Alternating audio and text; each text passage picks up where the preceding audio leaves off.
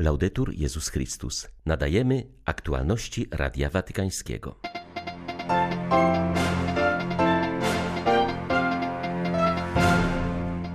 Jedność chrześcijan jest marzeniem Boga, powiedział papież Franciszek do biskupów różnych wyznań chrześcijańskich związanych z ruchem Focolari, których przyjął na prywatnej audiencji w Watykanie. Kanadyjski episkopat przeprosił przedstawicieli ludów tubylczych, którzy ucierpieli w szkołach rezydencjalnych prowadzonych przez Kościół.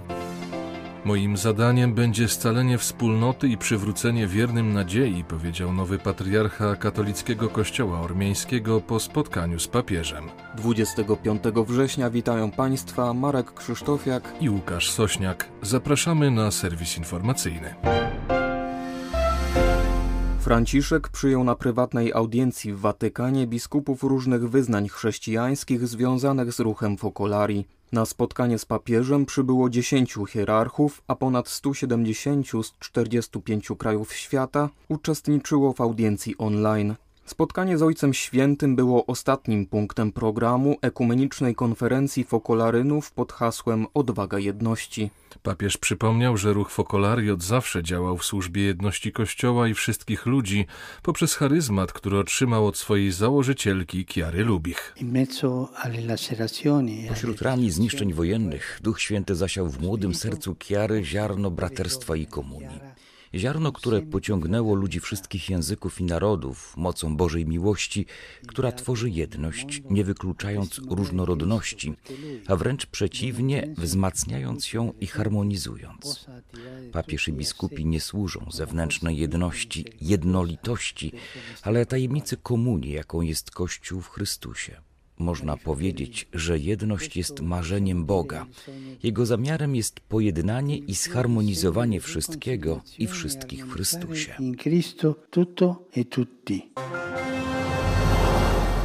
Nowy patriarcha katolickiego kościoła ormiańskiego został przyjęty przez papieża Franciszka. Rafał Piotr, 21 Minasjan, wyznał Radiu Watykańskiemu, że było to spotkanie z ojcem bardzo zainteresowanym losem Ormian. Podkreślił, że wciąż bardzo cierpią oni z powodu rozproszenia i życia w diasporze. Moim zadaniem będzie scalenie wspólnoty i przywrócenie wiernym nadziei, mówił Rafał Piotr XXI. Nowy patriarcha podkreśla, że spotkanie z Franciszkiem przebiegło w bardzo serdecznej atmosferze. Dał mi ważne wskazówki na przyszłość, mówi patriarcha Minassian.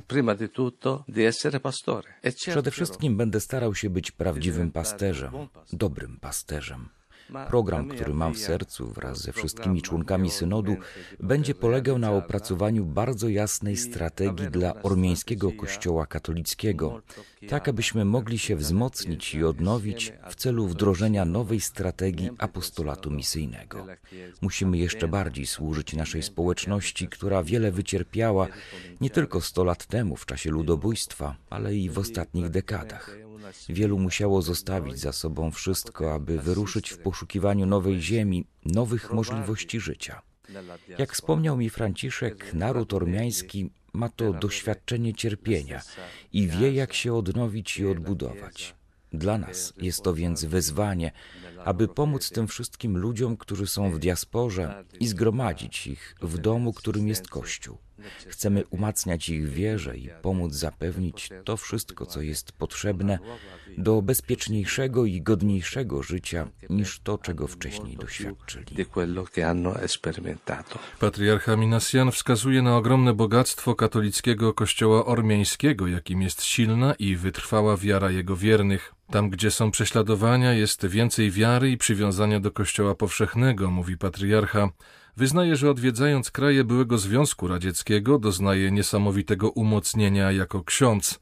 Istnieje tam tak głęboka wiara, której ja z podobną głębią nie jestem w stanie wyrażać. W ich duszach jest ukryta wiara, która eksploduje podczas ceremonii, podkreśla patriarcha Minasjan. Kanadyjski episkopat opublikował oświadczenie, w którym przeprasza członków społeczności indyjskich ludów tubylczych, którzy w kanadyjskich szkołach prowadzonych przez Kościół doświadczyli krzywd. Biskupi zobowiązali się do stosownego zadośćuczynienia i wyrazili bliskość z ofiarami. Kanadyjski Kościół przyznał, że był zaangażowany w systemowy proces niszczenia rdzennych języków, kultury i duchowości, przeprowadzony bez poszanowania dla tradycji i mądrości ludności rdzennej. Uznajemy, że przedstawiciele wielu katolickich wspólnot dopuścili się licznych nadużyć fizycznych, psychologicznych, emocjonalnych, duchowych, kulturowych i seksualnych, czytamy w oświadczeniu.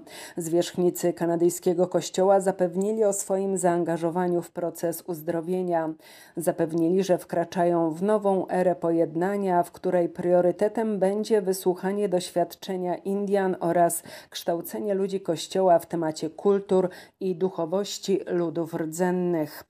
Episkopat przypomniał, że w grudniu bieżącego roku delegacja ocalałych rdzennych mieszkańców spotka się w Rzymie z Ojcem Świętym. Papież chce wysłuchać ich historii oraz dyskutować o tym, jak zrealizować wspólne pragnienie odnowienia relacji i kroczenia drogą nadziei w nadchodzących latach. Biskupi zobowiązali się do współpracy ze Stolicą Apostolską i rdzennymi partnerami nad możliwością wizyty duszpasterskiej papieża w Kanadzie. Raport kanadyjskiej Komisji Prawdy i Pojednania wykazał, że w ciągu blisko 115 lat z powodu chorób, głodu, zimna i innych przyczyn zmarło co najmniej 4 tysiące z około 150 tysięcy indyjskich dzieci które w ramach asymilacji rdzennej ludności zostały zabrane rodzinom i umieszczone w szkołach rezydencjalnych. 80 ze 120 placówek rząd powierzył Kościołowi katolickiemu. Różnorodność Europy wynika z jej głębi i zachowanie tego jest jednym z głównych wyzwań stojących dziś przed Kościołem, uważa kardynał Vincent Nichols, wiceprzewodniczący Rady Konferencji Episkopatów Europy, która obraduje w tych dniach w Rzymie z okazji 50-lecia tej instytucji. Kardynał Nichols jest katolickim prymasem Anglii i Walii, krajów, które w ubiegłym roku wystąpiły z Unii Europejskiej. Rozmawiając z Radiem Watykańskim podkreślił, że Kościół w Europie musi powrócić do swego fundamentu, jakim jest Jezus. Tylko w ten sposób może się dokonać jego odnowa. Ważne jest również, byśmy mieszkańcom Europy dawali chrześcijańską odpowiedź na ich egzystencjalne dylematy. Od tego zaczęła się ewangelizacja Europy. Kardynał Nichols wspomniał o wydarzeniu, które miało kluczowe znaczenie dla chrystianizacji Anglii. Było to w 682 roku. Król Edwin odbywał sąd, na którym niemal nie został zamordowany. W tym samym czasie był świadkiem bezpiecznego porodu swej córki. Stanął wobec śmierci i narodzin. Zapytał się swych kanclerzy, co to ma znaczyć. Jeden z nich powiedział mu: Nasze życie jest niczym lot wróbla przez biesiadną salę, w której jest zgiełk, podekscytowanie, ale wróbel wlatuje przez jedne drzwi z ciemności, a drugimi wylatuje w ciemność. Wychodząc od tego obrazu, chrześcijański kanclerz króla rozpoczął z nim rozmowę o tym, skąd pochodzimy i dokąd zmierzamy. W konsekwencji król Edwin przyjął wiarę chrześcijańską, a potem odegrał istotną rolę w nawróceniu północnej Anglii. Chodzi więc o te egzystencjalne pytania: kim jesteśmy, skąd pochodzimy, co jest naszym przeznaczeniem i jak mamy wspólnie przemierzać przez to życie.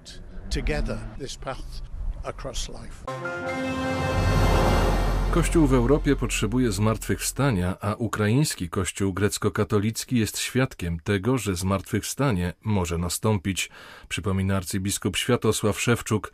Uczestniczy on w obradach Rady Konferencji Episkopatów Europy. Przypomina, że kiedy przed 50 laty powstawała ta rada, kościół na Ukrainie był dręczony przez komunistyczny reżim. Jednak przed 30 laty doświadczyliśmy zmartwychwstania, mówi arcybiskup Szewczuk. To pokazuje, że nawet największa nawałnica ateizmu nie może unicestwić mocy zmartwychwstałego. Również dziś Ukraina jest krajem udręczonym. Od siedmiu już lat trwa krwawa wojna i nie widać końca końca tego bolesnego doświadczenia. Wiara jednak potrafi dostrzec już koniec. To jest głos nadziei, która opiera się na wierze w zmartwychwstałego. Jest to przesłanie Kościoła grecko-katolickiego dla całej Europy. Europa musi doświadczyć zmartwychwstania. To odrodzenie wiary w zmartwychwstałego należy do istoty chrześcijańskiego orędzia.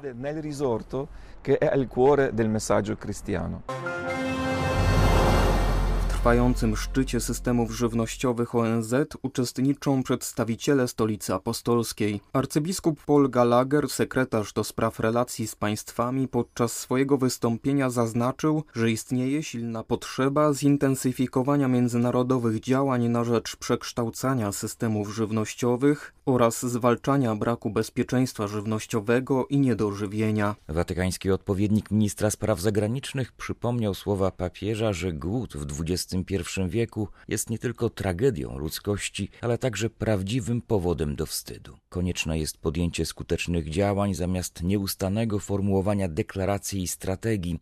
Watykański dyplomata zaznaczył, że dostęp do żywności jest podstawowym prawem człowieka Konieczne jest zapewnienie osobom ubogim i znajdującym się w trudnej sytuacji środków niezbędnych do utrzymania siebie i swoich rodzin w perspektywie długoterminowej. Kluczową kwestią jest przekształcenie systemów żywnościowych, by zapewnić wszystkim odpowiednią żywność. Kulturę wyrzucenia należy zastąpić kulturą troski, która chroni wrodzoną godność każdej osoby i podtrzymuje ziemię jako nasz wspólny dom. Papieska Rada do Spraw Kultury i Uniwersytet La Sapienza w Rzymie podpisały porozumienie o współpracy kulturalnej i naukowej, które umożliwi realizację wspólnych projektów badawczych i edukacyjnych.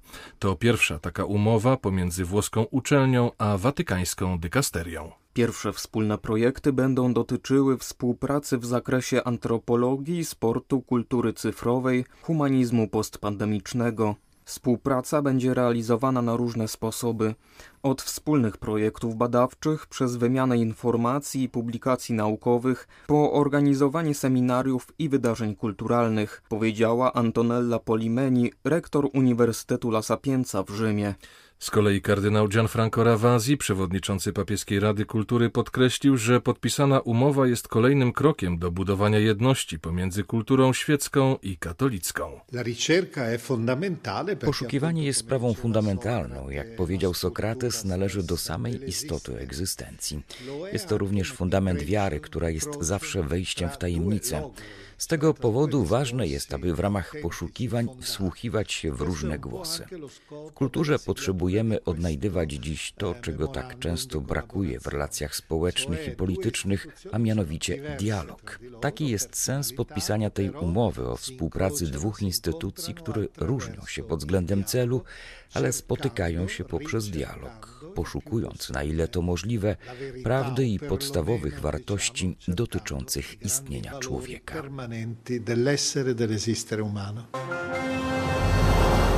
Sąd Najwyższy w Indiach odrzucił oskarżenie o prozelityzm przeciwko księdzu i grupie seminarzystów. Cztery lata temu, w okresie Bożego Narodzenia, ksiądz George Mangalapili zorganizował tradycyjne uliczne kolędowanie w stanie Madhya Pradesh w środkowych Indiach. Grupa hinduistów zatrzymała księży i kleryków pod zarzutem nawracania miejscowej ludności. Sprawa trafiła przed sąd. Tradycja ulicznego kolędowania liczy sobie w tym stanie już 25 lat, pomimo zapewnień księdza, że wydarzenie odbywa się każdego roku i polega jedynie na śpiewaniu religijnych pieśni. Wezwana na miejsce policja aresztowała łącznie 42 osoby, 9 księży, 32 seminarzystów i kierowcę.